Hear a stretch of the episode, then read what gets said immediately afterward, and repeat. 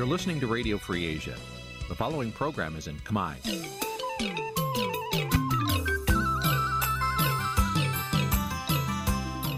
នេះជាកម្មវិធីផ្សាយ Vuthu Azizi Serai នេះជាកម្មវិធីផ្សាយរបស់ Vuthu Azizi Serai ជាភាសាខ្មែរ Vuthu Azizi Serai សូមស្វាគមន៍លោកអ្នកនាងទាំងអស់ពីរដ្ឋធានី Washington នៃសហរដ្ឋអាមេរិក។ចាប់ ផ្សាយផ្ទាល់ពីរដ្ឋធានី Washington នាងខ្ញុំខែសុណងសូមជម្រាបសួរលោកនាងកញ្ញាប្រិយមិត្តអ្នកស្ដាប់និងអ្នកទស្សនាការផ្សាយរបស់វិទ្យុអាស៊ីសេរីទាំងអស់ជាទីមេត្រីចា៎នេះខ្ញុំសូមជូនកម្មវិធីផ្សាយសម្រាប់យប់ថ្ងៃពុធ11កើតខែមករាឆ្នាំឆ្លូវត្រីស័កពុទ្ធសករាជ2565ដែលត្រូវនឹងថ្ងៃទី15ខែធ្នូគ្រិស្តសករាជ2021ចា៎ជាដំបូងនេះសូមអញ្ជើញលោកនាងស្ដាប់ព័ត៌មានប្រចាំថ្ងៃដែលមានមេត្តាដូចតទៅ thank you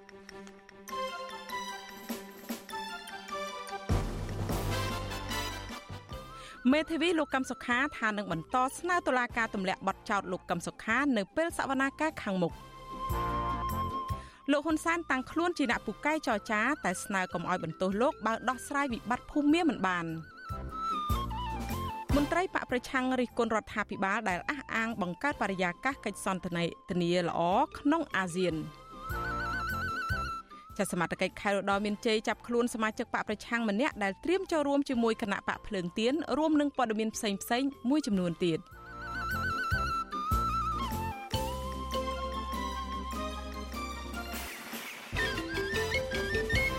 ចាជាបន្តទៅនេះនាងខ្ញុំខែសុណងសូមជូនព័ត៌មានទាំងនេះពិស្ដា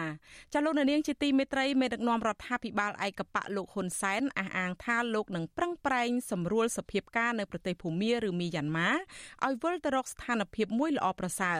ចាអ្នកតាមដានស្ថានភាពនយោបាយជំរុញឲ្យមេដឹកនាំកម្ពុជារូបនេះ កុំព្យាយាមទាញរបបសឹកភូមាឲ្យចូលវេទិកាថ្នាក់តំបន់និងអន្តរជាតិដែលកម្ពុជាក្រុងរៀបចំក្នុងនាមជាប្រធានបដូវវេនអាស៊ានដើម្បីជៀសវាងការខូចឈ្មោះលើឆាកអន្តរជាតិចាលោកនាងនឹងបានស្ដាប់សេចក្តីរាយការណ៍នេះពឹស្ដានៅពេលបន្តិចទៀតនេះ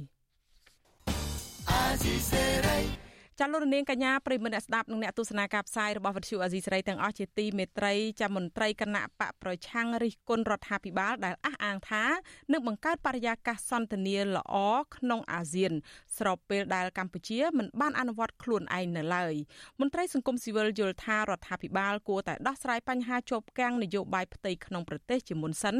មុននឹងឈានទៅដោះស្រាយវិបត្តិនយោបាយក្នុងប្រទេសនិងក្នុងតំបន់អាស៊ានពិសេសគឺប្រទេសភូមានោះចាសូមអញ្ជើញលោកនាងស្ដាប់សេចក្តីរាយការណ៍របស់លោកសេកបណ្ឌិតអំពីរឿងនេះមន្ត្រីបកប្រឆាំងរិះគន់មន្ត្រីការបរទេសកម្ពុជា ដែលអួតអាងនៅចំពោះក្រមប្រទេស G7 នៅក្នុងកិច្ចប្រជុំតាមអនឡាញថាมันបានដោះស្រាយបញ្ហានយោបាយនៅក្នុងប្រទេសផងបែរជាចង់បង្កើតបរិយាកាសសន្ទនានៅក្នុងតំបន់អាស៊ានជាពិសេសមន្ត្រីបកប្រឆាំងដែលកំពុងរស់នៅក្រៅប្រទេសលោកអ៊ុំសំអានប្រាប់វិទ្យុអាស៊ីសេរីនៅថ្ងៃទី15ធ្នូថា រដ្ឋាភិបាលកម្ពុជា និងរដ្ឋាភិបាលភូមាបច្ចុប្បន្នជារបបផ្ដាច់ការដែលបានសម្លាប់ប្រជាធិបតេយ្យនិងកើតចេញពីការប្លន់សិលឹកឆ្នោតពីបកប្រឆាំងដូចគ្នាដូច្នេះมันអាចបង្កើតបរិយាកាសសន្ទនាសម្រាប់ភាគីពាក់ព័ន្ធទាំងអស់ក្នុងតំបន់អាស៊ានបានឡើយពិសេសការតាំងខ្លួនជាអាជ្ញាកណ្ដាលដោះស្រាយវិបត្តិនយោបាយនៅភូមា លោកបន្តថារដ្ឋាភិបាលលោកហ៊ុនសែន កំពុងចង់ឲ្យអាស៊ានទទួលស្គាល់ភាពស្របច្បាប់របស់មេដឹកនាំផ្ដាច់ការលោកមីងអងលៀងប៉ុណ្ណោះហើយទង្វើនេះក៏ជាការបំពេញនៅឆន្ទៈរបស់ចិនដែលចង់ទាញរបបសឹកភូមាឲ្យចូលរួមជាសមាជិកស្របច្បាប់ក្នុងកិច្ចប្រជុំអាស៊ាន ដែលមានកម្ពុជាជាម្ចាស់ផ្ទះផងដែរលោកបញ្ជាក់ថាបើកម្ពុជាចង់ដោះស្រាយបញ្ហាភូមាពិតមែននោះកម្ពុជាត្រូវតែបើកលំហសិទ្ធិសេរីភាពស្ដារលទ្ធិប្រជាធិបតេយ្យឡើងវិញ ព្រមទាំងរៀបចំការបោះឆ្នោតត្រឹមត្រូវដោយមានការចូលរួមពីបកសង្គ្រោះជាតិដែលត្រូវបានបកកណ្ដាលអំណាចរំលែកកាលពីឆ្នាំ2017សុភាសិតខ្មែរយើងនិយាយថាពីគក់លក់ថ្នាំស្រែងមានថាស្រែងរបស់ខ្លួនឯងហ្នឹងមិនថនព្យាបាលជាហ្នឹងទៅព្យាបាលស្រែងរបស់គេយ៉ាងម៉េចកើតនៅកម្ពុជាហ្នឹងឧទាថានឹងការនៅកិច្ចសន្ទនាគ្រប់ភាគីទាំងអស់នៃសមាជិកអាស៊ានជួយដោះស្រាយបញ្ហានៅភូមិមេអីជាដើមហ្នឹង យើងមើលវិបត្តិនយោបាយនៅកម្ពុជាហ្នឹងមិនទាន់ដោះស្រាយបានផងទៅដោះស្រាយវិបត្តិនៅភូមិយ៉ាងម៉េចកើតទៅឲ្យភូមិហ្នឹងបើកិច្ចចរចាកិច្ចសន្ទនារវាងគណៈបកប្រឆាំងនិងមេដឹកនាំយោធាហ្នឹងវាមិនអាចទៅរួចទេប្រតិកម្មរបស់មន្ត្រីបកប្រឆាំងនេះធ្វើឡើងបន្ទាប់ពីមានកិច្ចប្រជុំរវាងរដ្ឋមន្ត្រីការបរទេសអាស៊ាននិងរដ្ឋមន្ត្រីការបរទេសនៃក្រមប្រទេស G7 ដែលបានរៀបចំឡើងនៅក្នុងទីក្រុង Liverpool ប្រទេសអង់គ្លេសតាមប្រព័ន្ធអនឡាញ កាលពីថ្ងៃទី12ខែធ្នូកន្លងទៅ ក្នុងកិច្ចប្រជុំនោះរដ្ឋមន្ត្រីក្រសួងការបរទេសកម្ពុជាលោកប្រាក់សុខុនបានលើកឡើងពីសារៈសំខាន់នៃស្មារតីអាស៊ាន ដែលត្រូវតែមានការរួបរวมសមាជិកអាស៊ានទាំង10ប្រទេសនិងគម្រោងទស្សនកិច្ចរបស់លោកហ៊ុនសែនទៅប្រទេសភូមានៅដើមឆ្នាំ2022ខាងមុខដើម្បីសម្រេចកិច្ចព្រមព្រៀងជាឯកច្ឆន្ទ5ចំណុចរបស់អាស៊ាន ទន្ទឹមនឹងនោះ លោកថារបៀបវិរៈកម្ពុជារបស់កម្ពុជានៅឆ្នាំ2022នឹងបង្កើតបរិយាកាសអំណោយផលសម្រាប់កិច្ចសន្ទនានិងទំនុកចិត្តផ្នែកនយោបាយក្នុងចំណោមភាគីពាក់ព័ន្ធទាំងអស់ដើម្បីបញ្ចប់ហិង្សានិងឯកភាពគ្នាក្នុងតំបន់អាស៊ានវត្តជូអាស៊ីសេរីនៅពុំទាន់អាចតាក់ទងแนะនាំពាក្យក្រសួងការបរទេសលោកកុយគួងដើម្បីសូមអធិប្បាយជុំវិញបញ្ហានេះបានទេនៅថ្ងៃទី15ខែធ្នូ អ្នកនាំពាក្យរដ្ឋាភិបាលលោកផៃស៊ីផានប្រាប់វត្តជូអាស៊ីសេរីថាកម្ពុជាពិតជាអាចជួយដោះស្រាយបញ្ហានៅភូមិបានដោយសារតែកម្ពុជាធ្លាប់មានបទពិសោធន៍ផ្សះផ្សាជាតិច្រើនដងរួចមកហើយដោយឡែកការរិះគន់ចំពោះរដ្ឋាភិបាលលោកហ៊ុនសែនវិញលោកថាវាជារឿងពីរផ្សេងគ្នា ដោយមួយជាបញ្ហាផ្ទៃក្នុងកម្ពុជា និងមួយទៀតជាបញ្ហារបស់អាស៊ាន ដែលកម្ពុជាត្រូវតែដោះស្រាយនៅក្នុងនាមជាម្ចាស់ផ្ទះអាស៊ាននៅឆ្នាំក្រោយលោកអះអាងថា ការទៀមទីរបស់គណៈបកសង្គ្រោះជាតិក្នុងការចូលរួមបោះឆ្នោតនៅអាណត្តិក្រោយមុននឹងកម្ពុជាត្រូវតែដោះស្រាយវិបត្តិនៅភូមិមាននោះវាជារឿងមិនត្រឹមត្រូវព្រោះលោកថាប្រធានស្ដីទីគណៈបកសង្គ្រោះជាតិលោកសំរងស៊ីជាដើមកំពុងជាប់បណ្ដឹងនៅតុលាការដូច្នេះគណៈបកសង្គ្រោះជាតិត្រូវទៅជជែកជាមួយនឹងតុលាការមិនមែនមកជជែកពីវប្បធម៌សន្តានាជាមួយនឹងរដ្ឋាភិបាលនោះទេ គេមិនចង់ឲ្យកម្ពុជាមានជោគជ័យនៅក្នុងការរៀបចំឲ្យមានវគ្គសន្ទនារវាងភាគីចំនួននៅឯភូមិដោយសារគេមាននិន្នាការនយោបាយតែប៉ុណ្្នឹងទេគេអត់មាននិន្នាការបង្ហាញពីការជួយដល់ប្រជាពលរដ្ឋញ៉ាន់ម៉ាឬភូមិឲ្យបានជួបជុំគ្នាជជែកគ្នាឬយើងមានគោលបំណងកាត់ផ្តាច់ភូមិចេញពីសហគមន៍របស់អាស៊ានបើធ្វើអញ្ចឹងគឺវាអត់ត្រូវច្បាប់ពីព្រោះអាស៊ាន10ហើយអាស៊ានគ្មាន ច្បាប់ណា ដែលឲ្យលុបលាន់ដាក់ឯកំហុសអ្នកនេះអ្នកនោះទេទោះយ៉ាងណាអ្នកខ្លំមើលសិទ្ធិមនុស្សនៃអង្គការលីកាដូលោកអំសម្បត្តិយល់ឃើញថាកម្ពុជាចាំបាច់ត្រូវតែដោះស្រាយបញ្ហាជាប់គាំងនយោបាយនៅក្នុងប្រទេសជាមុនសិនដើម្បីឈានទៅដោះស្រាយវិបត្តិនៅភូមាបើមិនដូច្នោះទេកម្ពុជានឹងរងនឹងការរិះគន់និងការដាក់ទណ្ឌកម្មជាបន្តបន្ទាប់ពីសំណាក់អន្តរជាតិនិងប្រទេសនៅក្នុងតំបន់អាស៊ានដូចគ្នា។ អ្វីដែលសំខាន់ខ្ញុំគិតថាបើកម្ពុជាយើងបង្ហាញអំពីការសន្ទនារវាងអ្នកនយោបាយនៅកម្ពុជាហើយនឹងដោះស្រាយវិបត្តិនយោបាយនៅកម្ពុជានេះបានបង្ហាញទៅសហគមន៍អន្តរជាតិក៏ដូចជាអាស៊ានថាកម្ពុជាបានដោះស្រាយបញ្ហានយោបាយរបស់ខ្លួនហើយនឹងបានលើកខ្ពស់ទៅលើបញ្ហាសិទ្ធិមនុស្សនិងលទ្ធិជាតិបតៃនៅកម្ពុជាអាហ្នឹងវាជារឿងមួយល្អដែលឈានទៅដោះស្រាយនៅបញ្ហាប្រទេសផ្សេងទៀត គណៈបកប្រឆាំងអង្គការសិទ្ធិមនុស្សអន្តរជាតិនិងអ្នកតាមដានស្ថានភាពនយោបាយរិះគន់ជាបន្តបន្ទាប់ដល់លោកហ៊ុនសែនថាកំពុងដើរផ្លូវខុសក្នុងការដោះស្រាយវិបត្តិនៅភូមា និងកំពុងនាំភាពប្រេះឆាក្នុងតំបន់អាស៊ាន ថ្មីថ្មីនេះពលរដ្ឋភូមាផ្ទាល់ក៏បានបង្ហាញការខឹងសម្បាចំពោះជំនួបរវាងលោកហ៊ុនសែនជាមួយមន្ត្រីនៃរបបសឹកភូមា ដោយពួកគេបានចូលទៅខមមិនក្នុង Facebook របស់លោកហ៊ុនសែន ឌឺដងដោយដាក់រូបថតមេដឹកនាំរដ្ឋប្រហារយោធាភូមាក្នុងជំនួបលោកហ៊ុនសែនទៀតផងខ្ញុំបាទសេកបណ្ឌិតវុទ្ធុអាស៊ីសេរីពីរដ្ឋធានីវ៉ាស៊ីនតោន ចាលោកនាងកញ្ញាជាទីមេត្រីចាអ្នកជំនាញថាកម្ពុជាគួរតែពង្រឹងការពារពីបទល្មើសបច្ចេកវិទ្យាទំនើបនិងប្រុងប្រយ័ត្នឲ្យបានខ្ពស់ពីការលួចទិន្នន័យរដ្ឋាភិបាលពីសំណាក់ចៅព័ត៌មានវិទ្យាឬ hacker នៅក្នុងដំណើរការអភិវឌ្ឍសេដ្ឋកិច្ចជាតិចាអ្នកជំនាញបន្តថាប្រសិនបរដ្ឋាភិបាលកម្ពុជាធ្វើប្រហែសបណ្ដាលឲ្យទិន្នន័យសម្ងាត់របស់រដ្ឋាភិបាលគ្រប់គ្រងដោយប្រទេសណាមួយផ្សេងទៀតនោះកម្ពុជានឹងប្រឈមបញ្ហាធ្ងន់ធ្ងរចាលោកនាងនឹងបានស្ដាប់សេចក្តីរាយការណ៍នេះពិស្ដានៅព្រឹកស្អែក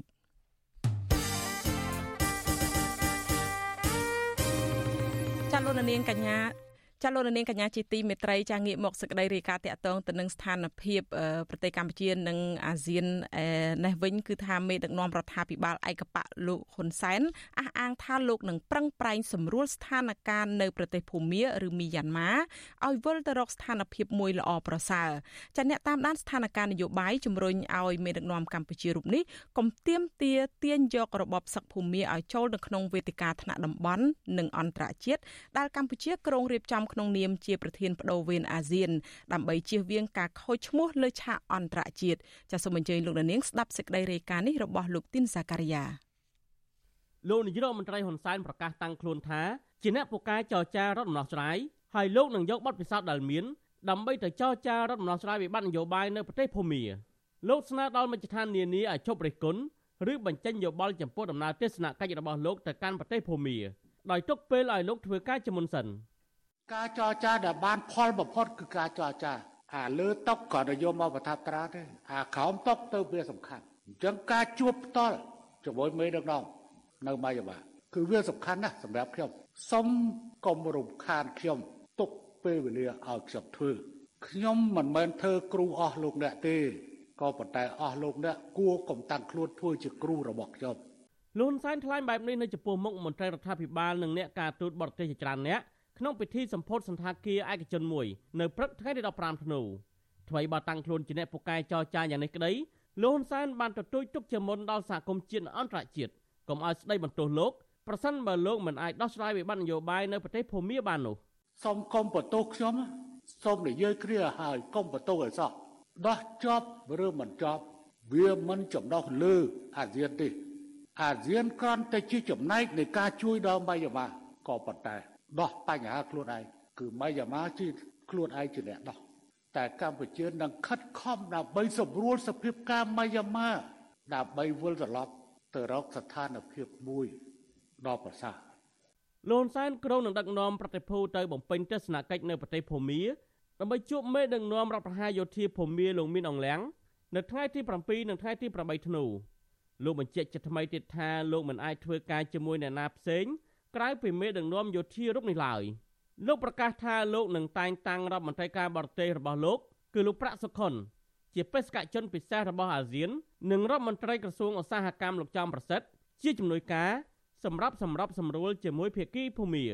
លោកហ៊ុនសែនអះអាងម្ដងទៀតថាការព្យាយាមទាញប្រទេសភូមាត្រឡប់មកវិញនេះជាការអនុវត្តតាមធម្មនុញ្ញអាស៊ាន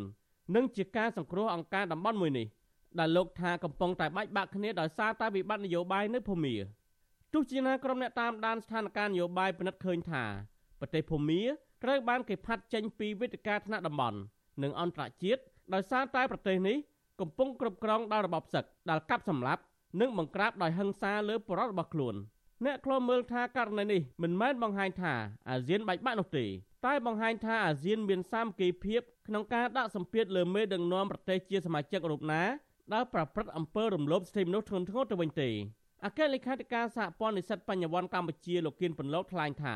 ទោះបីជាវិបត្តិនយោបាយនៅភូមាជាបញ្ហាផ្ទៃក្នុងរបស់ភូមាក៏ដោយក៏ពេលនេះវាហាក់បានคล้ายទៅជាបញ្ហាអន្តរជាតិរួចទៅហើយព្រោះសហគមន៍អន្តរជាតិកំពុងតែជួយឈឺឆ្អាលច្រើនស្ថិតក្នុងបរិបទបែបនេះលោកថាលោកនាយរដ្ឋមន្ត្រីហ៊ុនសែនមិនគួរបង្ហាញចំហគាំទ្ររបបសឹកភូមិនោះទេហើយរឹតតែមិនគួរប្រឹងប្រែងទាញរបបនេះឲ្យចូលមកក្នុងវេទិកាអាស៊ានដែរ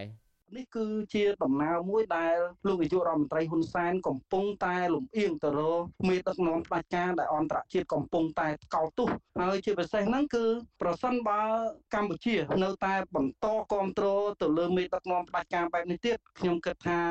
នេះគ្រាន់តែជាលេសមួយដើម្បីចងសម្ព័ន្ធភាពហើយរដ្ឋាភិបាលកម្ពុជាក៏ប្រឈមទៅនឹងការដាក់ទណ្ឌកម្មទាំងផ្នែកសេដ្ឋកិច្ចនិងផ្នែកនយោបាយដូចជាប្រទេសកម្ពុជាដែរ ទាក់ទងនឹងការចរចារដ្ឋដំណោះស្រាយវិបត្តិនយោបាយនៅភូមិមាននេះដែរអ្នកស្រាវជ្រាវផ្នែកភូមិសាស្ត្រនយោបាយលោកវ៉ាន់ប៊ុនណាថ្លែងថារដ្ឋាភិបាលកម្ពុជាក៏ត្រូវធ្វើការជាមួយគណៈបកឆ្នេះឆ្នោតរបស់អ្នកស្រីអង្សានសុជីដែរដើម្បីបង្កើតទំនុកចិត្តពីគ្រប់ភាគីនិងទទួលបានដំណោះស្រាយរួម។កម្ពុជាជារឿងល្អហើយដែលទៅជួបប្រស័យតាក់ទងជាមួយនឹងពួកមេដឹកនាំយោធាភូមិមានហ្នឹងក៏ប៉ុន្តែជាជំហានបន្ទាប់កម្ពុជាត្រូវតែប្រកាសថា ខ្លួននឹងបញ្ចូលក៏ដូចជាមានតំណែងតំណងជាមួយរដ្ឋាភិបាលស្រមោលរបស់ក្រមស៊ីវិលរបស់ភូមិមានផងដែរអានឹងបានដំណោះស្រាយនឹងវាអាចកើតចេញជារូបរាងបានបើសិនជាតាក់ទងទៅខាងយោធាហើយយោធាមិនអនុញ្ញាតឲ្យទៅជួបខាងរដ្ឋាភិបាលស៊ីវិលទេអានឹងចំមិនចង់វានៅតែរឿងតែមិនទទួលបានជោគជ័យឬក៏យើងអាចថាបរាជ័យទៅដែរផងដែរហើយអ្វីជារឿងហ្នឹងបើសិនជារឿងហ្នឹងបរាជ័យទៅវាធ្វើឲ្យអាការចូលរួមរបស់កម្ពុជាជាមួយនឹងពួកមេដឹកនាំយោធាហ្នឹងគ្រាន់តែជាលក្ខណៈបំពេញរូបភាពឲ្យភាពស្របច្បាប់បន្ថែមទៅទៀតទៅលើមេដឹកនាំយោធាវិបត្តិនយោបាយនៅប្រទេសភូមាបានអស់បន្លាយពេលជិត1ឆ្នាំមកហើយបន្ទាប់ពីក្រមយោធាបានធ្វើរដ្ឋប្រហារដណ្ដើមអំណាចពីរដ្ឋាភិបាលស៊ីវិលដឹកនាំដោយអ្នកស្រីអ៊ុនសានស៊ូជីកាលពីដើមខែកុម្ភៈឆ្នាំ2021កងកម្លាំងយោធានិងសន្តិសុខក្រមបញ្ជារបស់ឧត្តមសេនីយ៍មានអង្លាំងបានវាយបង្ក្រាបក្នុងថ្លុកឈាមមកលើក្រមពលរដ្ឋដែលតវ៉ាប្រឆាំងនឹងអំពើរដ្ឋប្រហារនិងចង់បានលទ្ធិប្រជាធិបតេយ្យ បណ្ដាលឲ្យមានមនុស្សស្លាប់យ៉ាងហោចណាស់ជាង1300នាក់និងជាង10000នាក់ផ្សេងទៀតត្រូវបានចាប់ខ្លួនក្នុងនោះក៏រួមមានទាំងកុមារនិងស្ត្រីជាច្រើនអ្នកផងដែរក្រុមអ្នកតាមដានស្ថានភាពនយោបាយប្រមានថាកម្ពុជាអាចនឹងខូចឈ្មោះថែមទៀតនៅលើឆាកអន្តរជាតិបើលោកហ៊ុនសែនដោះស្រាយវិបត្តិនយោបាយនៅប្រទេសភូមានេះមិនបានត្រឹមត្រូវជាពិសេសបើលោកនៅតែព្យាយាមទាញឲ្យក្រុមមេដឹកនាំរបបសឹកភូមាឲ្យចូលវិធាននានារបស់អាស៊ានឡើងវិញនោះប្រជាពលរដ្ឋភូមាមួយចំនួនបានថ្កោលទោសលោកហ៊ុនសែន ចំពោះដំណើរទស្សនកិច្ចទៅកាន់ប្រទេសភូមាដោយពួកគេទាមទារឲ្យលោកដកខ្លួនថយពីអក្រិតកម្មរបស់ពួកយោធាភូមាបើពុំនោះទេបរិះខ្លាំងនៃកម្ពុជារូបនេះនឹងក្លាយជាសត្រូវរបស់បរដ្ឋភូមាថ្មីថ្មីនេះទៀតសោតមន្ត្រីជាន់ខ្ពស់ក្រសួងការបរទេសអាមេរិកក៏បានជំរុញកម្ពុជាកុំឲ្យធ្វើសម្បទានណាមួយទៅឲ្យរបបសឹកយោធាភូមាក្នុងពេលខ្លួនធ្វើជាប្រធានអាស៊ានខ្ញុំទីនសាការីយ៉ាអស៊ីសេរីប្រធានីវ៉ាស៊ីនតោន ចាលោកនាងជាទីមេត្រីចាតកតងទៅនឹងសេចក្តីរាយការណ៍របស់លោកទីនសាការីយ៉ានេះយើងមានសម្ភាសផ្ទាល់ខ្លីមួយចាជាមួយអគ្គលេខាធិការសហព័ន្ធនិស្សិតបញ្ញវន្តកម្ពុជា គឺយុវជនគៀនបន្លកដែលគាត់ចូលរួមតាមរយៈខ្សែទូរស័ព្ទនៅក្នុងពេលនេះហើយលោកពន្លកនឹងចូលមកចាប់អារម្មណ៍បន្ថែមលើសេចក្តីរាយការណ៍នេះជំរាបសួរគៀនពន្លកចាបាទជំរាបសួរបងខែសំណងជំរាបសួរបងប្អូនជនរួមជាតិទាំងក្នុងនិងក្រៅប្រទេសជិតទីគោរពបាន ចានៅក្នុងសេចក្តីរាយការណ៍របស់លោកទីនសាការីយ៉ាបៃមិញលោកនាងនឹងពន្លកបានបញ្ចេញយោបល់ហើយហើយលោកនាងបានជ្រាបហើយថាពន្លកលើកឡើងថាមិនគួរណា ខាងរដ្ឋាភិបាលកម្ពុជានឹងបង្ហាញជំហរគ្រប់គ្រងមេដឹកនាំផ្ដាច់ការភូមិដែលជាមេដឹកនាំរបបសឹកនោះទេហើយក្នុងចំណុចនេះខ្ញុំចង់ឲ្យពន្លកងាកទៅចាប់អារម្មណ៍បន្តិចថាតើពន្លកយល់យ៉ាងម៉េចដែរក្នុងការដែលថ្ងៃនេះលោកនាយករដ្ឋមន្ត្រីហ៊ុនសែនប្រកាសថាលោកពូកែអះអាងថាលោកពូកែនៅក្នុងការដោះស្រាយបញ្ហានោះសូមឲ្យប្រឡូកចាប់អារម្មណ៍បន្តិចសិនមុននឹងយើងជជែកចូលជ្រៅលើបញ្ហានេះចា៎បាទមែនទែនទៅប្រកាសការប្រកាសរបស់ប្រមុខរដ្ឋាភិបាលកម្ពុជា នៅថ្ងៃនេះអំពីអឺលោកប្រកាសថាលោកគឺប្រកាសក្នុងការដោះនៅបញ្ហាអឺនានាបាទដូចជានៅក្នុងប្រទេសកម្ពុជាការបញ្ចប់សង្គ្រាមនៅកម្ពុជាឆ្នាំ1998ហើយជាពិសេស លោកនឹងទៅបំពេញទស្សនកិច្ចនៅប្រទេសភូមានៅខែមករាខែក្រោយនេះដើម្បីទាញប្រទេសភូមាហ្នឹងឲ្យចូលទៅក្នុងប្រទេសអាស៊ានវិញអឺចំពោះខ្ញុំខ្ញុំយល់ថានេះជាបរិបទពីរផ្សេងគ្នា បាទដោយសារអីដោយសារតែបរិបទភូមិនេះ គឺជាយន្តការអន្តរជាតិមកដល់ពេលនេះ គឺជាបញ្ហាសកលទៅហើយដែល ប្រទេសលោកសេរីធំធំដូចជាសហរដ្ឋអាមេរិកសហភាពអឺរ៉ុបហើយនិងប្រទេសផ្សេងផ្សេងទៀតកំពុងតែគ្រប់គ្រងរដ្ឋាភិបាលសម្មាល់ដែលដឹកនាំដោយអ្នកស្រីអ៊ុងសានស៊ូជីបាទដែលជាអឺបាទគណៈបកដែលជាប់ឆ្នោត បាទត្រូវមានរដ្ឋបហាយោធាមានអំលៀងហ្នឹងគឺធ្វើរដ្ឋបហាទម្លាក់កាលពីថ្ងៃទី1ខែកុម្ភៈឆ្នាំ2021បាទអញ្ចឹងអឺនៅក្នុងនាមប្រទេស កម្ពុជាជាប្រទេសប្រធានអាស៊ានអឺចំពោះខ្ញុំខ្ញុំយល់ថាបរិបទនេះមិនគួរណាទៅទស្សនកិច្ចនៅប្រទេសភូមិទេ ដែលអន្តរជាតិកំពុងតែថ្កោលទោសទាំងនៅក្នុងប្រទេសអាស៊ានហើយនិងទាំងនៅលើពិភពលោកបាទហើយជាពិសេសថ្មីថ្មីនេះកិច្ចប្រជុំកំពូលអាស៊ានដែលមានប្រទេសប្រុយណេជាប្រធានបានផាត់ចោល បាទមិនអោយប្រទេសភូមាហ្នឹងគឺចូលរួមនៅក្នុងកិច្ចប្រជុំកម្ពុជាអាស៊ាន បាទអញ្ចឹងនេះគឺជាបញ្ហាមួយដែលរដ្ឋាភិបាលកម្ពុជាគួរតែពិចារណាឡើងវិញក្នុងដំណើរទស្សនកិច្ចនៅថ្ងៃខាងមុខនេះបាទ ចាអរគុណច្រើនប្រឡូកដែលចាប់អារម្មណ៍បញ្ហានេះចំណុចមួយនេះគឺដោយដែលប្រឡូកបានលើកឡើងអញ្ចឹងគឺថា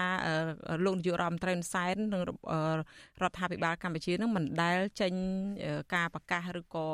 ថ្កោលទោសទៅរដ្ឋាភិបាលរបបសឹកយោធាភូមាដែលមានការកាប់សម្លាប់ប្រជាពលរដ្ឋខ្លួនឯងដល់ទៅស្លាប់រាប់ជាង1000នាក់ហើយក៏មានជាប់ពន្ធនាគារចាប់ខ្លួនចាប់អីនឹងមានទាំងស្ត្រីមានផ្ទៃពោះនិងកុមារនឹងជាង10000នាក់ទៅទៀតហើយមិនដែលឃើញមានចេញការថ្កោលទោសអីទេតើបញ្ហានេះអាចថាជាកំហុសមួយនៅក្នុងការឃើញថាបង្ហាញការគ្រប់គ្រងដោយអ្វីដែលពន្លកបានលើកឡើងទេឬយ៉ាងម៉េចចា៎បាទមែនទែនទៅនៅក្នុងប្រទេសអាស៊ាន គឺមុននឹងបង្កើតអាស៊ានហ្នឹងគឺក៏មានរដ្ឋធម្មនុញ្ញនៃប្រទេសអាស៊ានហើយនៅក្នុងហ្នឹងក៏មានគោលបំណងហើយនិងគោលការណ៍ដែរ អញ្ចឹងហើយនៅក្នុងគោលបំណងរបស់អាស៊ាននៅក្នុងចំណុចមួយដែលខ្ញុំបានអានអំពីរដ្ឋធម្មនុញ្ញនៃប្រទេសអាស៊ានគឺចំណុចទី7ដែលនិយាយអំពីគោលបំណងហ្នឹងគឺប្រទេសទាំងអស់គឺត្រូវតែពង្រឹងទៅលើលទ្ធិប្រជាធិបតេយ្យ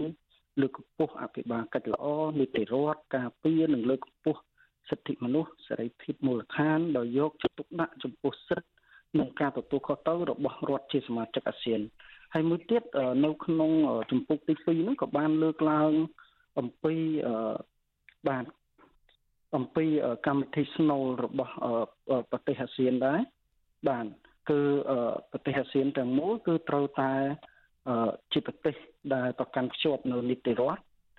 អភិបាលកិច្ចល្អគោលការណ៍ប្រជាធិបតេយ្យរដ្ឋាភិបាលអាស្រ័យរដ្ឋធម្មនុញ្ញជាពិសេសគឺការលើកស្ទួយទៅលើការគោរពសិទ្ធិមនុស្សបាទអញ្ចឹងយើងដឹងហើយថាអឺ អាស៊ានគឺជាអង្គការមួយដែលបង្កើតឡើងនៅថ្ងៃទី8ខែសីហាឆ្នាំ1967ហើយអាស៊ានក៏កើតចេញពីអង្គការមួយទៀតដែលមានឈ្មោះថាអង្គការសេអាតូដែលបង្កើតឡើងក្នុងឆ្នាំ1954បាទហើយគោលដៅធំបំផុតគឺទប់ស្កាត់ការរីករាលដាលនៃលទ្ធិកុម្មុយនីសបាទអញ្ចឹងយើងដឹងហើយថារដ្ឋាភិបាលភូមាបច្ចុប្បន្នបាទដែលដឹកនាំដោយយោធាផ្ដាច់ការមានអមលៀងបាទក្រោយពីដែលធ្វើរដ្ឋប្រហារទម្លាក់ រដ្ឋាភិបាលដែលប្រជាពលរដ្ឋគ្រប់គ្រងនៅថ្ងៃ1ខែកុម្ភៈឆ្នាំ2021ហ្នឹងគឺជារដ្ឋាភិបាលមួយដែលអន្តរជាតិមិនទទួលស្គាល់ទេជាពិសេសគឺប្រទេសប្រជាធិបតេយ្យធំធំដូចជាសហរដ្ឋអាមេរិកហើយនិងសហភាពអឺរ៉ុបបាទហើយប្រទេសទាំងអស់នោះកំពុងតែដាក់ទណ្ឌកម្មទាំងមន្ត្រីរដ្ឋាភិបាលភូមិហើយនឹងដាក់ទណ្ឌកម្មទាំងផ្នែកសេដ្ឋកិច្ចនិងនយោបាយគ្រប់បែបយ៉ាង បាទក៏ប៉ុន្តែកម្ពុជាបែរជាអឺដើរតួនាទីមួយជាអ្នកសម្របសម្រួលហើយខ្ញុំគិតថានៅក្នុងនាមជាអ្នកសម្របសម្រួលតើតែយើងហ្នឹងបាទធ្វើជាគំរូមានន័យថាកម្ពុជាកំពុងតែជួបវិបត្តិធ្ងន់ធ្ងរជាច្រើនដូចជាវិបត្តិនយោបាយដែលដោះស្រាយមិនទាន់ចេញផងតាំងពីការរំលាយគណៈបកប្រឆាំងធំគេកាលពីឆ្នាំ2017 រហូតដល់មានការបោះឆ្នោត2018ដែលអន្តរជាតិមួយចំនួនធំហ្នឹងគឺมันបានទទួលស្គាល់រដ្ឋាភិបាលបាទអញ្ចឹងហើយកម្ពុជាគឺបាទមិនទាន់មានគំរូក្នុងការជាអ្នកសម្របសម្រួលទេបាទ ចាចំណុចនេះពន្លកតើខាងរដ្ឋាភិបាលកម្ពុជានឹងគួរតែផ្ដល់ភាពជាគំរូនឹងស្អីខ្លះទៅដូចមិញហ្នឹងពន្លកប្រហែលជាលើកបានខ្លះហើយពីរឿងការដោះស្រាយស្ថានភាពនយោបាយហើយនឹងរឿងការបោះឆ្នោតហ្នឹងនៅតែ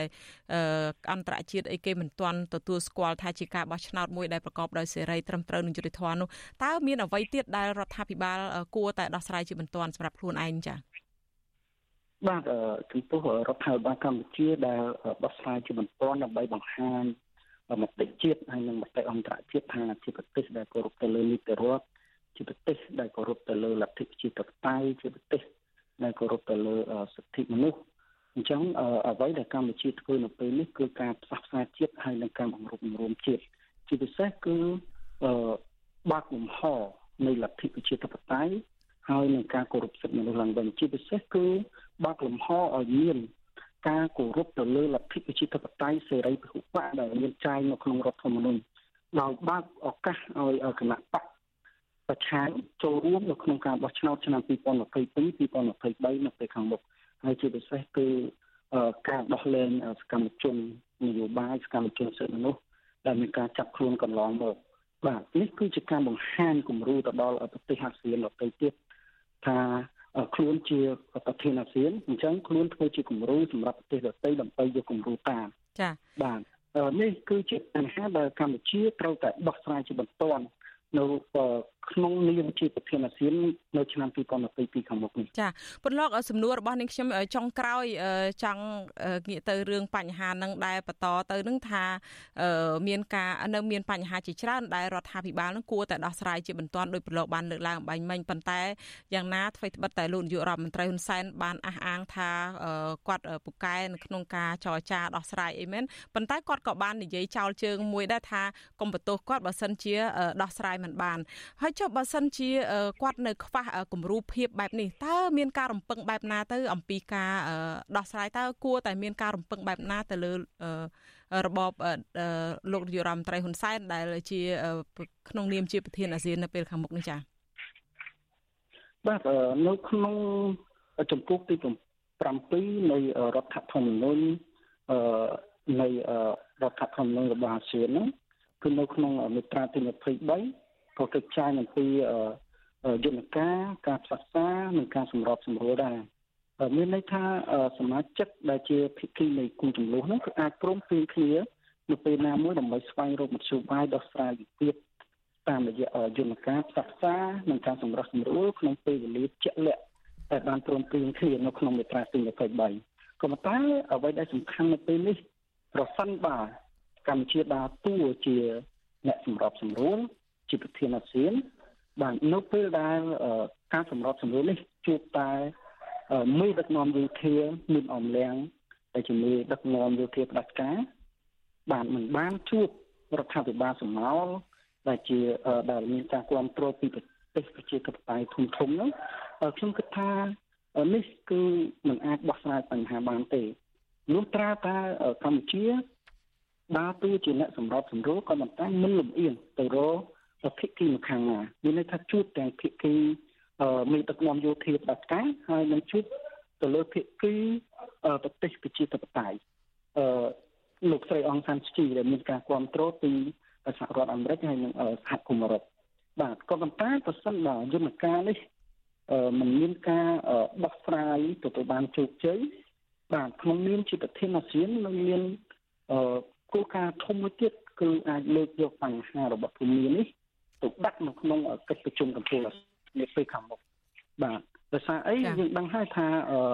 នៅក្នុងជំពូកទី10បាទដែលគេនិយាយពីរដ្ឋបាលនិងនីតិវិធីហ្នឹងគឺគេនិយាយអំពីប្រទេសអាស៊ានប្រទេសអាស៊ាន គឺខ្លាយជាប្រទេសអាស៊ាន ជាប្រធានអាស៊ានហ្នឹងគឺទី1គឺមានការបើកកិច្ចប្រជុំកម្ពុជាអាស៊ាននិងកិច្ចប្រជុំកម្ពុជាពាក់ព័ន្ធហើយទី2គឺក្រមប្រសាសម្របសម្រួលអាស៊ាន ទី3ក្រមប្រសា សហគមន៍អាស៊ានទាំង3ហើយទី4គឺអង្គភាពថ្នាក់រដ្ឋមន្ត្រីជំនាញដែលពាក់ព័ន្ធរបស់អាស៊ានហើយនិងឧត្តមមន្ត្រីតាមការយល់ស្របហើយចំណុចចុងក្រោយគឺគណៈកម្មការតំណាងអចិន្ត្រៃយ៍របស់អាស៊ានបាទអញ្ចឹងហើយអ្វីដែលក្នុងទូនាទីជាប្រធានអាស៊ានគឺយើងមានសារៈសំខាន់ណាស់ក្នុងការលើកស្ទួយយ៉ាងសកម្មដែលធ្វើឲ្យប្រទេសអាស៊ានទាំងឡាយណាប្លុក ចាប់ប្រហែលជាយើងបានដាច់ទៅហើយតែយ៉ាងណាយើងបានជជែកគ្នាច្រើនជាមួយលោកគៀនពន្លកដែលបានជជែកពិភាក្សាអំពីការចាប់អារម្មណ៍ការលើកឡើងរបស់លោកយុរ៉មត្រីហ៊ុនសែននឹងថ្ងៃនេះចាចាលោកនាងទៅបានស្ដាប់បទសម្ភាសរបស់លោកគៀនប្រឡកចារវាងនាងខ្ញុំនិងលោកគៀនប្រឡកដែលជាអគ្គលេខាធិការសហព័ន្ធនិស្សិតបញ្ញវន្តកម្ពុជាចា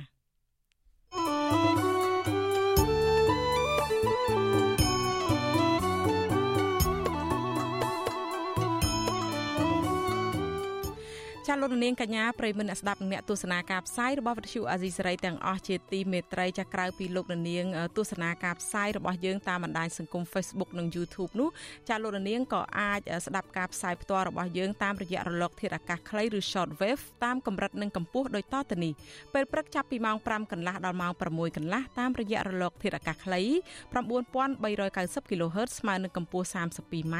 និង11800 kHz ស្មើនឹងកម្ពស់ 25m ចានៅពេលយប់ពីម៉ោង7កន្លះដល់ម៉ោង8កន្លះតាមរយៈរលកធាតុអាកាសខ្លី9390 kHz ស្មើនឹងកម្ពស់ 32m និង15155 kHz ស្មើនឹងកម្ពស់ 20m ចាសសូមអរគុណ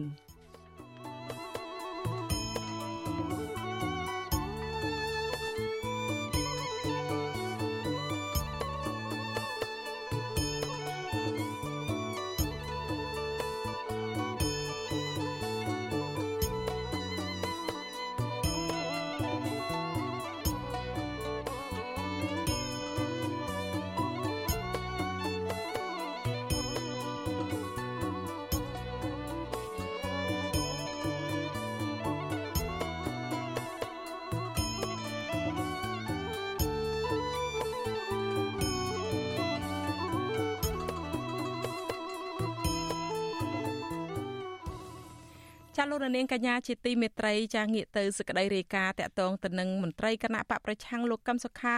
សហមេធាវីការពីក្តីឲ្យប្រធានគណៈបកប្រឆាំងលោកកឹមសុខាឲ្យដឹងថាមកទល់ពេលនេះក្រុមមេធាវីនិងលោកកឹមសុខាមិនទាន់ទទួលបានដីកាពីតុលាការនៅឡើយទេតាក់ទងទៅនឹងការបន្តសវនាការឡើងវិញរបស់លោកនៅដើមឆ្នាំ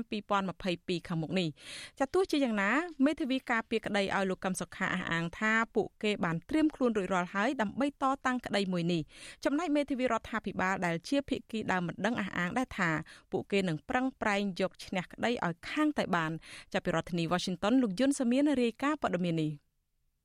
សហមេធាវីការពីក្តីលោកកំសខាលើកឡើងថាព័ត៌មានជុំវិញការបន្តសវនាការលើកូនក្តីរបស់ពួកគេ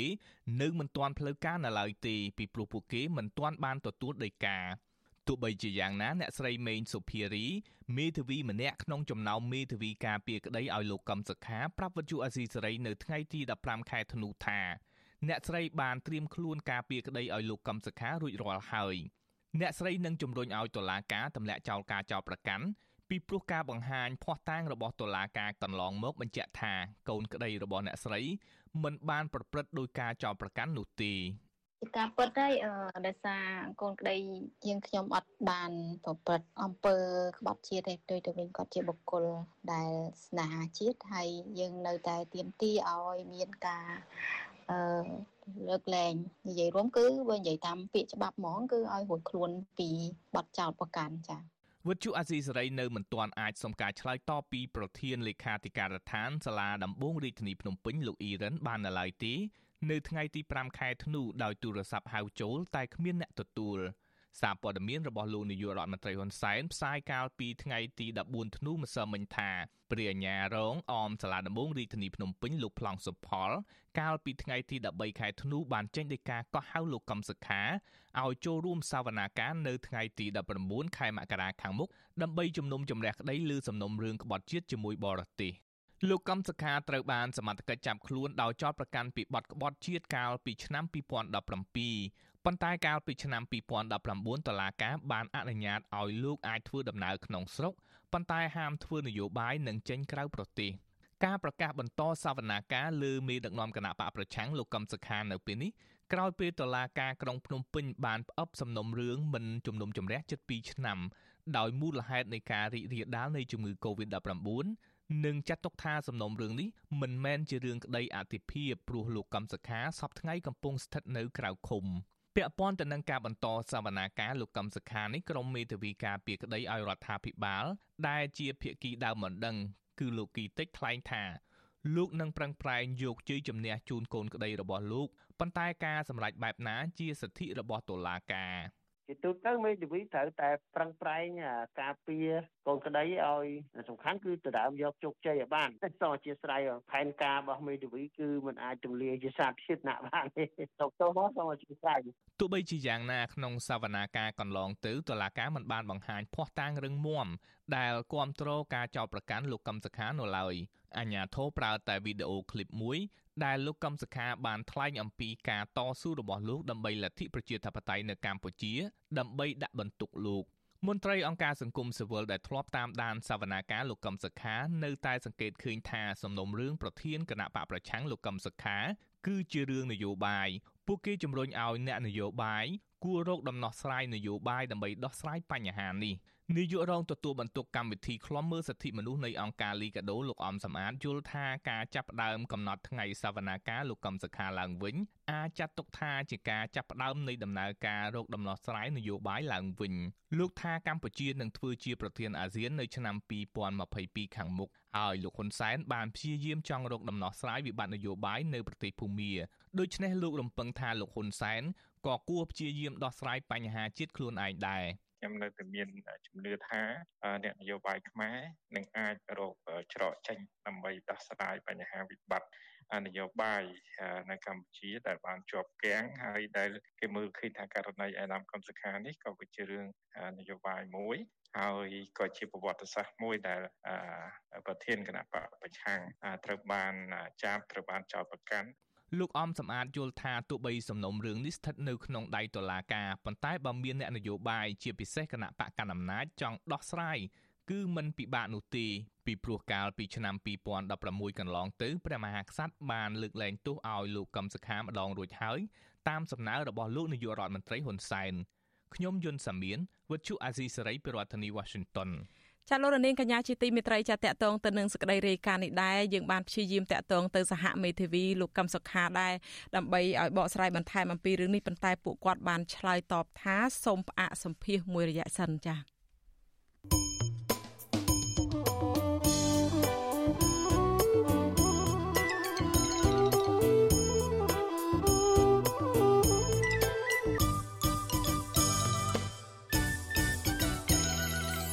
នាងកញ្ញាជាទីមេត្រីចាតកតងទៅនឹងរឿងមន្ត្រីសកម្មជនគណៈបកប្រឆាំងនេះដែរសមត្ថកិច្ចខេត្តឧត្តរមានជ័យចាប់ខ្លួននិងសើរើបទចោតរួមគំនិតក្បត់ទៅលើមន្ត្រីគណៈបកសង្គ្រោះជាតិម្នាក់ដែលត្រៀមចូលរួមនយោបាយឡើងវិញជាមួយគណៈបកភ្លើងទៀនសកម្មជននិងមន្ត្រីសង្គមស៊ីវិលព្រួយបារម្ភថារូបភាពគម្រាមកំហែងជាថ្មីទៀតនេះនឹងជះឥទ្ធិពលមិនល្អថែមទៀតដល់ស្ថានភាពសិទ្ធិមនុស្សនិងដំណើរការបោះឆ្នោតនៅឆ្នាំ2022ខាងមុខចាប់ពីរដ្ឋធានី Washington អ្នកស្រីម៉ៅសុធានីរាយការណ៍ព័ត៌មាននេះសមាជិកបពប្រឆាំងដែលអាជ្ញាធរចាប់ខ្លួននេះគឺជាអនុប្រធានប្រតិបត្តិគណៈបកសង្គ្រោះជាតិស្រុកចុងកាល់លោកសុកវិលនគរបាលបានចាប់វាខ្នោះលោកនៅម៉ោងប្រមាណ11ព្រឹកថ្ងៃទី15ខែធ្នូក្នុងពេលដែលសកម្មជនរូបនេះកំពុងជិះម៉ូតូដឹកប្រពន្ធនិងចៅត្រឡប់មកពីផ្សារវិញក្នុងខេត្តឧត្តរមានជ័យអនុប្រធានប្រតិបត្តិបពប្រឆាំងស្រុកបន្ទាយអំពិលខេត្តឧត្តរមានជ័យ លោកហឿងរទ្ធីប្រាប់បច្ចុប្បន្នស៊ីស្រីនៅរសៀលថ្ងៃទី15ខែធ្នូថាប៉ូលីសខេត្តជាច្រើនអ្នកបានចុះមកវាយខ្នោះលោកសុកវិលនៅតាមផ្លូវដោយគ្មានដីកាហើយគ្រាន់តែប្រាប់ថាចាប់តាមបញ្ជារបស់ថ្នាក់លើលោកហឿងរទ្ធីសង្ស័យថាការចាប់ខ្លួននេះអាចពាក់ព័ន្ធនឹងសំណុំរឿងចាស់ក្នុងបទរួមកំណត់ក្បត់ដែលតឡាការខេត្តធ្លាប់ចេញដោយការកោះហៅពួកលោកចំនួន9នាក់ក្នុងនោះ គឺមានលោកសុកវិលផងឲ្យចូលទៅឆ្លៃបំភ្លឺពីសកម្មភាពជួបជុំគ្នាកាលពីចុងឆ្នាំ2019ពាក់ព័ន្ធនឹងគម្រោងដំណើរមាតុភូមិនិវត្តរបស់ប្រធានស្ដីទីគណៈបកប្រឆាំងលោកសំរងស៊ីពីរំលាយសង្គ្រោះជាតិចឹងពួកគាត់នៅតែចង់ពីនយោបាយចង់បំរើនយោបាយនិងបំរើអន្តរជាតិប្រជារាស្ត្រដែលពួកគាត់ឆ្លាញ់នឹងជាលើមាសភូមិខ្លួនឯងនេះក៏មានបំណងចង់ចូលភ្លើងទៀនដើម្បីរកទល់នឹងរបបប្រជា លោកសុកវលតែងតែចូលទៅបំភ្លឺតាមការកំណត់របស់តុលាការជានិច្ចគណៈសមត្ថកិច្ចធ្លាប់ដាក់សម្ពាធឲ្យលោកនិងសមាជិកបកប្រឆាំងផ្សេងទៀតឲ្យផ្តិតមេដៃលើលិខិតបញ្ឈប់សកម្មភាពពាក់ព័ន្ធជាមួយនឹងគណៈបកសង្គ្រោះជាតិក្រោយមកលោកក៏បានផ្អាកសកម្មភាពនយោបាយនិងសង្គមទាំងស្រុងតែថ្មីថ្មីនេះលោកសុកវិល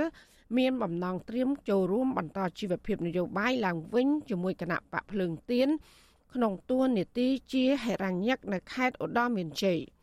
ប្រធានស្ដីទីគណៈបកភ្លើងទៀនលោកថាច់សិដ្ឋាហៅការចាប់ខ្លួននេះថាជារូបភាពគម្រាមកំហែងមកលើសកម្មភាពនយោបាយរបស់គណៈបកភ្លើងទៀនលោកបន្តថាការចាប់ខ្លួននិងការសើរើសំណុំរឿងក្តី របស់លោកសុកវិលបានបង្កឲ្យសកម្មជននិងប្រជាពលរដ្ឋដែលកំពុងត្រៀមខ្លួនចូលរួមសកម្មភាពនយោបាយជាមួយនឹងគណៈបកភ្លើងទៀនមានការផិតភ័យ។ យើងមានការព្រួយបារម្ភថាការគម្រាមកំហែងនឹងវាអាចកើតមានឡើងជាថ្មីទៀតបន្ទាប់ពីយើងបានធ្វើសកម្មភាពបែបគណៈបកភ្លឹងទីជុំវិញការចាប់ខ្លួនលោកសុកវិលនេះវិទ្យុអសីស្រីមិនអាចសុំការបញ្ជាក់បន្ថែមពីស្នងការខេត្តឧត្តរមានជ័យលោកហួតសុធី និងអ្នកនាំពាក្យតំណាងឯកការអមសាលាដំបងខេត្តឧត្តរមានជ័យ và រាជអាជ្ញារងលោកសោសុភ័ក្របានទេ នៅថ្ងៃទី15ខែធ្នូ ប៉ុន្តែលោកថាច់សិដ្ឋាឲ្យដឹងថាក្រុមការងារគណៈបកនៅខេត្តឧត្តរមានជ័យបានប្រាប់លោកថាសមត្ថកិច្ចបានបញ្ជូនលោកសុកវិលទៅសាកសួរនៅក្នុងបញ្ជាការដ្ឋានកងរាជអាវុធហត្ថខេត្តជាវត្ថុស៊ីស្រីក៏មិនអាចសុំការបំភ្លឺពីអ្នកនាំពាក្យកងរាជអាវុធហត្ថលើផ្ទៃប្រទេសលោកអេងហ៊ីបានដែរនៅថ្ងៃដដែលនេះចាសង្គមស៊ីវិលថាក្រៅតែពីការរំលោភសិទ្ធិមនុស្សហើយនោះ រូបភាពគម្រាមកំហែងផ្នែកនយោបាយទាំងឡាយនឹងបន្តជះផលអវិជ្ជមានថែមទៀតដល់ដំណើរការបោះឆ្នោតនៅរយៈពេល6ខែខាងមុខអ្នកសម្របសម្រួលនឹងអង្កេតនៃគណៈកម្មាធិការដើម្បីការបោះឆ្នោតដោយសេរីនិងយុត្តិធម៌នៅកម្ពុជាហៅកាត់ថា Conference លោកកនសវាងសង្កេតឃើញថារដ្ឋាភិបាលមិនទាន់អាចធានាសិទ្ធិនយោបាយបានទេបច្ចុប្បន្ននេះបន្ថែមពីនេះការចាប់ខ្លួន ការសាររើបទចោតចាស់ ឬក៏ការបង្កើតបទចោទថ្មីថែមទៀតលើសកម្មជន និងអ្នកគ្រប់គ្រងនយោបាយ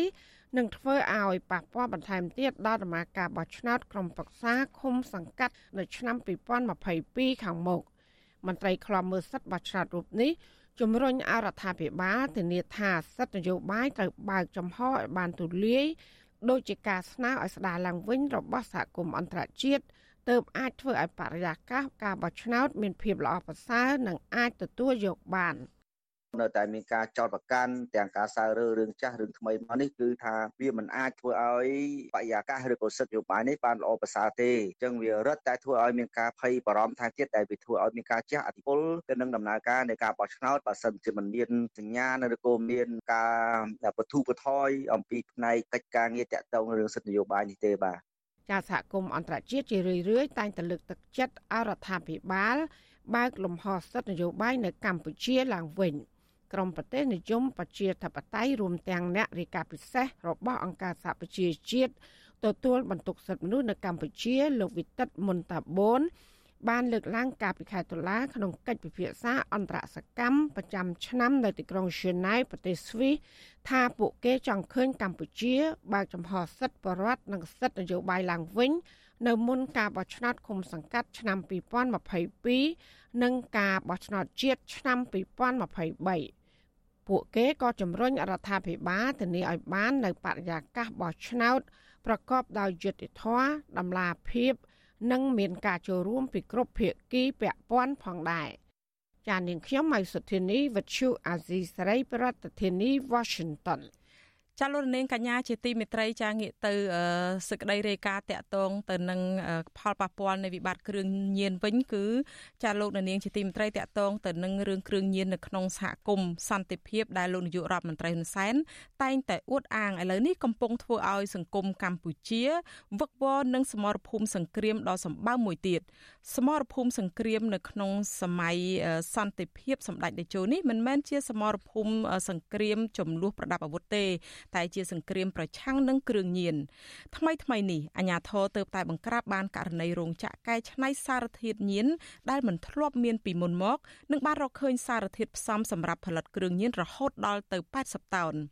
ក្នុងករណីបង្ក្រាបនេះកំពុងបង្កើនក្តីបារម្ភនៅក្នុងសហគមន៍សង្គមកម្ពុជាទាំងមូលពីផលប៉ះពាល់នៃបញ្ហាគ្រឿងញៀនទាំងនោះទៅលើសហគមន៍និងសមាជិកគ្រួសារជាពិសេសគឺទៅលើយុវជនព្រោះគ្រឿងញៀនបានកាន់តែគៀកទៅដល់ប្រជាពលរដ្ឋនៅគ្រប់ច្រកល្ហកមិនថានៅទីក្រុងឬទីជនបទនោះឡើយចាដូច្នេះសូមលោកនាងរងចាំស្ដាប់កិច្ចសម្ភាសមួយអំពីបញ្ហានេះជាមួយមន្ត្រីសង្គមស៊ីវិលនិងអ្នកធ្វើការផ្ទាល់ជាមួយការបន្សាបគ្រឿងញៀនជាមួយអ្នកប្រើប្រាស់គ្រឿងញៀននៅពេលបន្តិចទៀតនេះចាអាស៊ីសេរី ចាលោកនាងកញ្ញាជាទីមេត្រីចាងាកមកសក្តីរាយការណ៍តាក់ទងទៅនឹងការរីករាលដាលនៃជំងឺ Covid-19 វិញអ្នកស្លាប់ដោយសារជំងឺ Covid-19 បានកើនឡើងដល់ជិត3000អ្នកហើយក្រោយពីអ្នកជំងឺចំនួន3អ្នកទៀតបានស្លាប់ចាក្នុងនោះមិនបានចាក់វ៉ាក់សាំងចំនួន2អ្នកចំណែកករណីឆ្លងថ្មីវិញមាន8នាក់ដែលជាករណីឆ្លងនៅក្នុងសហគមន៍ទាំងអស់ចាគិតត្រឹមព្រឹកថ្ងៃទី15ខែធ្នូនេះកម្ពុជាមានអ្នកកើតជំងឺ Covid-19 ជាង120,000នាក់ ក្នុងនោះមានអ្នកជាសះស្បើយជាង110,000នាក់ចាក្រសួងសុខាភិបាលប្រកាសថាគិតត្រឹមថ្ងៃទី14ខែធ្នូម្សិលមិញរដ្ឋាភិបាលចាក់វ៉ាក់សាំងជូនប្រជាពលរដ្ឋចាប់ពីអាយុ5ឆ្នាំឡើងទៅកាន់តែជិតសម្រេចផែនការ100%ក្នុងចំណោមអ្នកដែលត្រូវចាក់សរុបជាង14លាន2សែននាក់ក្នុងនោះអ្នកចាក់វ៉ាក់សាំង2ដូសមានចំនួនជាង13លាន5សែននាក់និងចាក់បាន3ដូសជិត2លាន9សែននាក់ជាមួយគ្នានេះក្រសួងសុខាភិបាលបានអំពាវនាវដល់ប្រជាពលរដ្ឋឲ្យបន្តអនុវត្តវិធានការសុខាភិបាលឲ្យបានខ្ជាប់ខ្ជួនដើម្បីការពារកុំឲ្យឆ្លងជំងឺ Covid-19 ចាការអំពាវនាវនេះគឺធ្វើឡើងបន្ទាប់ពីក្រសួងសុខាភិបាលប្រកាសថាកម្ពុជា បានរកឃើញមេរោគ Covid-19 បំផ្លាញថ្មីឈ្មោះអូមីក្រុង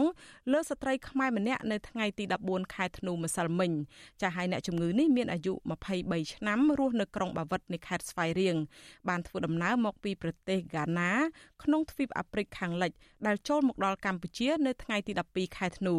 បច្ចុប្បន្នស្ត្រីរូបនេះកំពុងសម្រាកព្យាបាលជំងឺនៅមជ្ឈមណ្ឌលជាតិកម្ចាត់រោគរបេងនិងហង្សិនក្នុងរាជធានីភ្នំពេញ។ ចាលោកនាងជាទីមេត្រីចាតកតងទៅនឹងមេរោគបំផ្លែងថ្មីអូមីក្រុងដែលពិភពលោកកំពុងព្រួយបារម្ភឥឡូវនេះគឺបានឆ្លងចូលដល់កម្ពុជាហើយនោះគឺមន្ត្រីអង្គការសុខភាពពិភពលោក WHO ប្រមានប្រទេសទាំងឡាយឲ្យប្រុងប្រយ័ត្នខ្ពស់ចំពោះមេរោគបំផ្លែងថ្មីនេះព្រោះវាឆ្លងលឿនណាស់ ជាងមេរោគបំផ្លែងថ្មីណានាទាំងអស់ចាំមិនត្រឹមតែប៉ុណ្ណោះភាពគ្រោះថ្នាក់របស់មេរោគនេះមានភាពធ្ងន់ធ្ងរជាងការស្មានទុកពីមុនពីព្រោះពេលនេះគឺផ្ដើមមានករណីស្លាប់ដោយសារមេរោគនេះជាករណីលើកដំបូងនៅប្រទេសអង់គ្លេស ចានៅក្នុងពេលជាមួយគ្នានេះការសិក្សាស្រាវជ្រាវចុងក្រោយរបស់ក្រុមអ្នកវិទ្យាសាស្ត្ររកឃើញថាវ៉ាក់សាំងបង្ការជំងឺ Covid-19 បានចាក់គ្រប់ពីដូសមិនអាចទប់ទល់ទៅនឹងមេរោគនេះបានឡើយទេតើក្នុងស្ថានភាពបែបនេះប្រជាពលរដ្ឋត្រូវធ្វើដូចម្តេចដើម្បីបង្ការជំងឺនេះចានៅពេលបន្តិចទៀតនេះសូមលោកនាងរងចាំស្ដាប់កិច្ចសម្ភាសផ្ទាល់មួយរបស់នាងខ្ញុំជាមួយលោកមួងណារ៉េតអំពីបញ្ហានេះចា៎ចា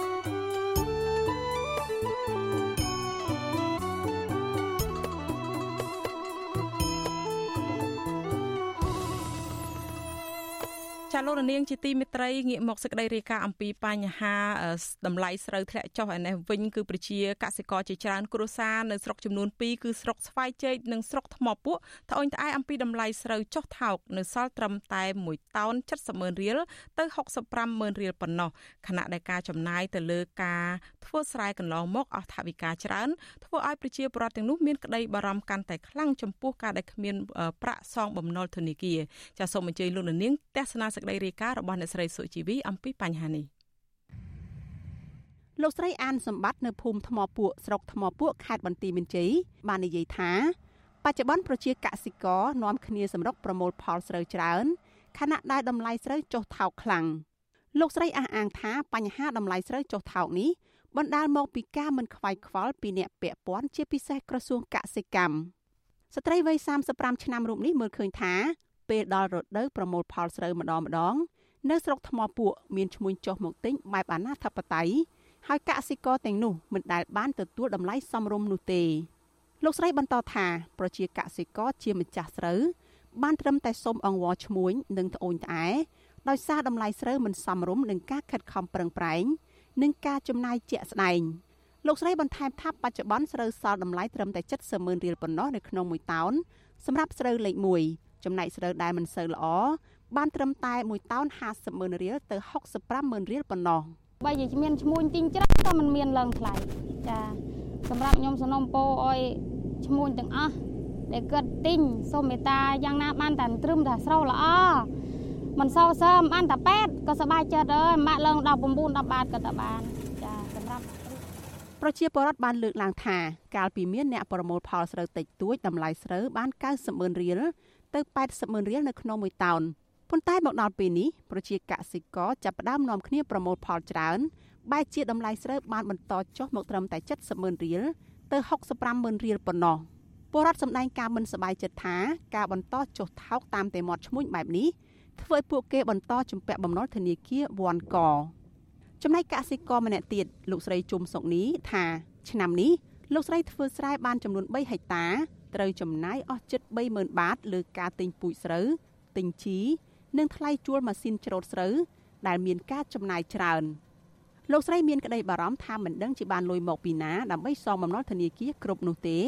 បើការប្រមូលផលស្រូវឆ្នាំនេះបន្តចុះថោកស្ត្រីវ័យ38ឆ្នាំរូបនេះអះអាងថាបើប្រៀបធៀបនឹងឆ្នាំមុន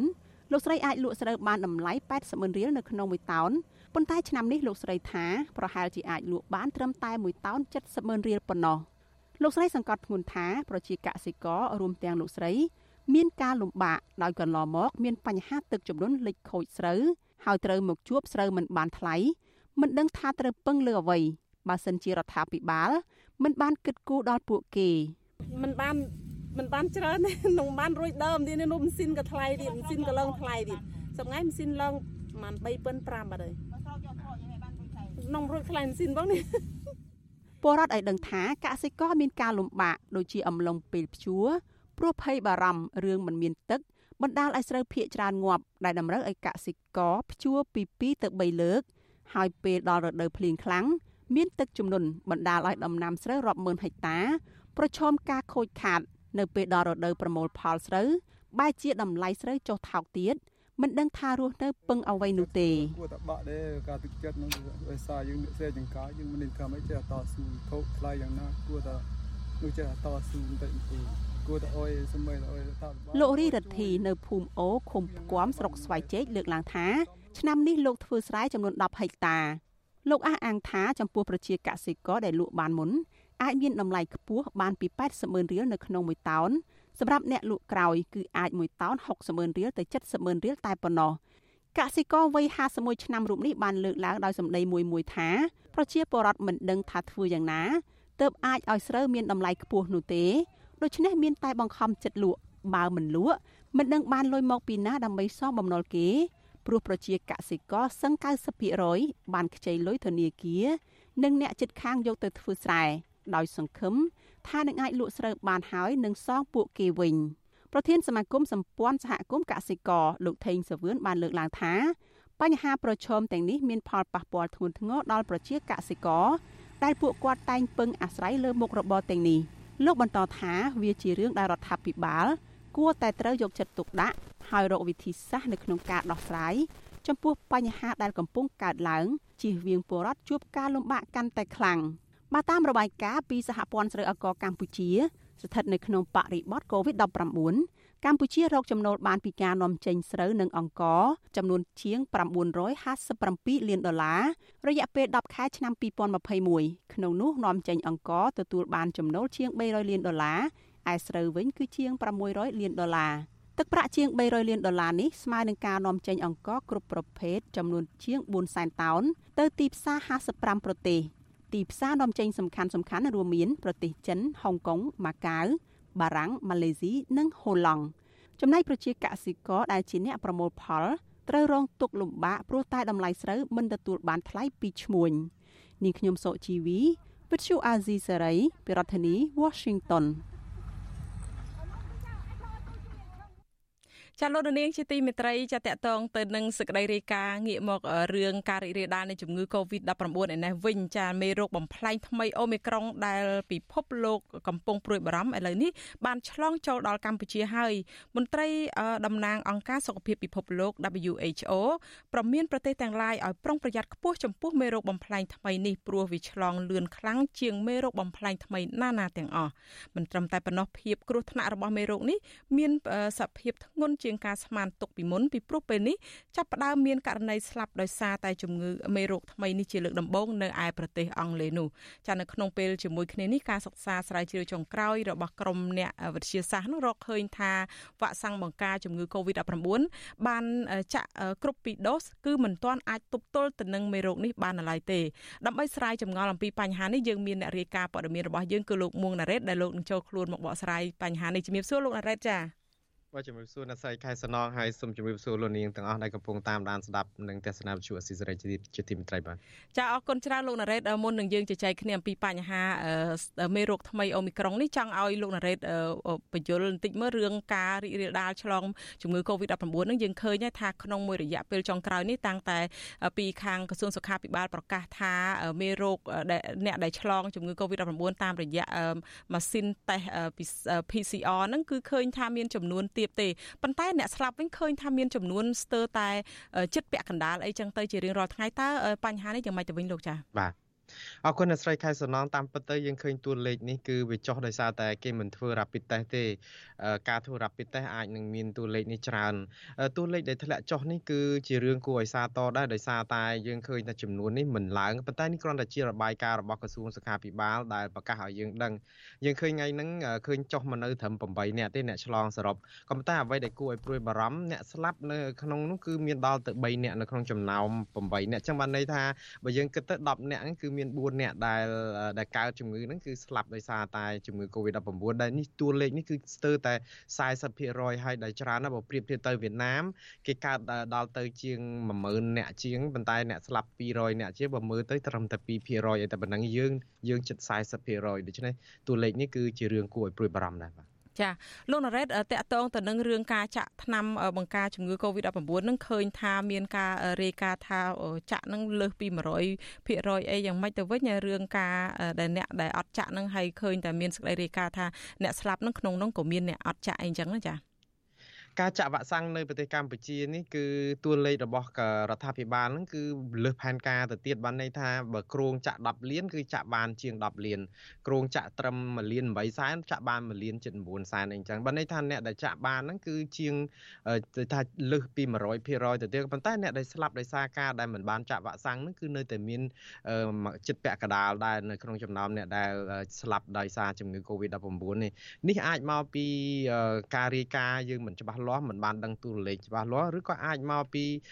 អ្នកដែលមិនទាន់ចាក់វ៉ាក់សាំងហ្នឹងក៏នៅតែច្រើនដែរទោះជាក្រសួងបានថាបានចាក់លើសពី100%ក៏ដោយនោះចាចុះអញ្ចឹងតកតទៅនឹងរឿងប្រសិទ្ធភាពវ៉ាក់សាំងចិនទៅវិញតើអាចនឹងទប់ទល់យ៉ាងម៉េចទៅទៅមេរោគថ្មីអូមីក្រុងហ្នឹងចា សំណួរនេះសំខាន់ណាស់អ្នកស្រីខែសំណងយើងដឹងហើយថានៅប្រទេសកម្ពុជាប្រជាពលរដ្ឋខ្មែរស្ទើរតែទាំងអស់ចាក់វ៉ាក់សាំងស៊ីណូវ៉ាក់ឬស៊ីណូហ្វាមរបស់ចិនការសិក្សាថ្មីមួយរបស់នៅហុងកុងគេរកឃើញថាអ្នកដែលចាក់វ៉ាក់សាំងស៊ីណូវ៉ាក់ពី ពីដូសហ្នឹងมันអាចឬក៏มันមានភាពស៊ាំនឹងដើម្បីនឹងទប់ទល់នៅមេរោគអូមីក្រុងបានទេ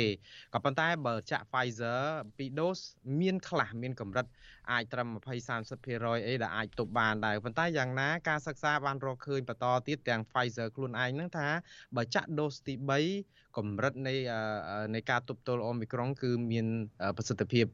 ច្រើនជាងហើយខកខាងស៊ីណូវ៉ាក់ខាងចិននោះក៏អះអាងថាបើចាក់ដូសទី3របស់ស៊ីណូវ៉ាក់ហ្នឹងក៏សង្ឃឹមថានឹងអាចការពារអូមីក្រុងបានដែរប៉ុន្តែតួលេខនេះគ្រាន់តែជាការអះអាងមិនមានទិន្នន័យពិស្ដារដូចខាង Pfizer ទេបាទចាអញ្ចឹងមានន័យថាអាចនឹងគ្រោះថ្នាក់ជាងការរំពឹងទុកទៅហើយចា ជាការពិតណាស់គ្រោះថ្នាក់ខ្លាំងជាងការរំពឹងទុកហើយមានករណីស្លាប់ដោយអូមីក្រុងនៅចក្រភពអង់គ្លេសហើយបានជាប្រធានអង្គការសុខភាពពិភពលោក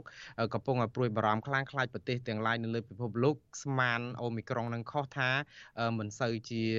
គ្រោះថ្នាក់អីតាមពិតគឺវារៀលដាលលឿនមែនតើហើយឥឡូវនេះឆ្លងដល់77ប្រទេសហើយសូម្បីនៅសហរដ្ឋអាមេរិកឆ្លងដល់32រដ្ឋហើយនៅតែ8 10រដ្ឋទៀតគឺនឹងពេញប្រទេសអាមេរិកតែម្ដងហើយដូច្នេះការឆ្លងនេះគឺលឿនជាងការរំពឹងទុកឲ្យលឿនជាងមេរោគបំផ្លាញថ្មីណាណាទាំងអស់ហើយកាលពីមុនថាស្រាលអត់មានអ្នកស្លាប់ឥឡូវមានអ្នកស្លាប់ទៅហើយបាទចាអរគុណច្រើនលោកណារ៉េតនៅមានសំណួរមួយទៀតចុងក្រោយប៉ុន្តែឥឡូវនេះដោយសារតែយើងជិតអស់ពេលទៅហើយនឹងខ្ញុំសូមអរគុណនិងសូមជំរាបលាដល់លោកនាងដែលកំពុងតែតាមដានការផ្សាយរបស់យើងផ្សាយផ្ទាល់តាមរយៈ short wave រលកធាតុអាកាសខ្លីលោកនាងនឹងមិនលឺការផ្សាយរបស់យើងទៀតទេប៉ុន្តែលោកនាងដែលកំពុងតែទស្សនាការផ្សាយរបស់យើងលើបណ្ដាញសង្គម Facebook និង YouTube នោះសូមនៅបន្តជាមួយយើងបន្តិចទៀតនៅរយៈពេលនេះគឺលោកណារ៉េតរេកាហើយយើងក៏នៅមានកិច្ចសម្ភារអំពីបញ្ហាគ្រឿងញៀននៅពេលបន្តិចទៀតដែរលោកណារ៉េតចង់បន្តសំណួរចុងក្រោយតើបើសិនជាបញ្ហាស្ថានភាពមេរោគអូមីក្រុងនឹងវា មានសភាពស្រួចស្រាវអញ្ចឹងតើជាវិធានការទៅវិញតើយើងគួរតែធ្វើបែបណាទៅវិញទៅលោកចា៎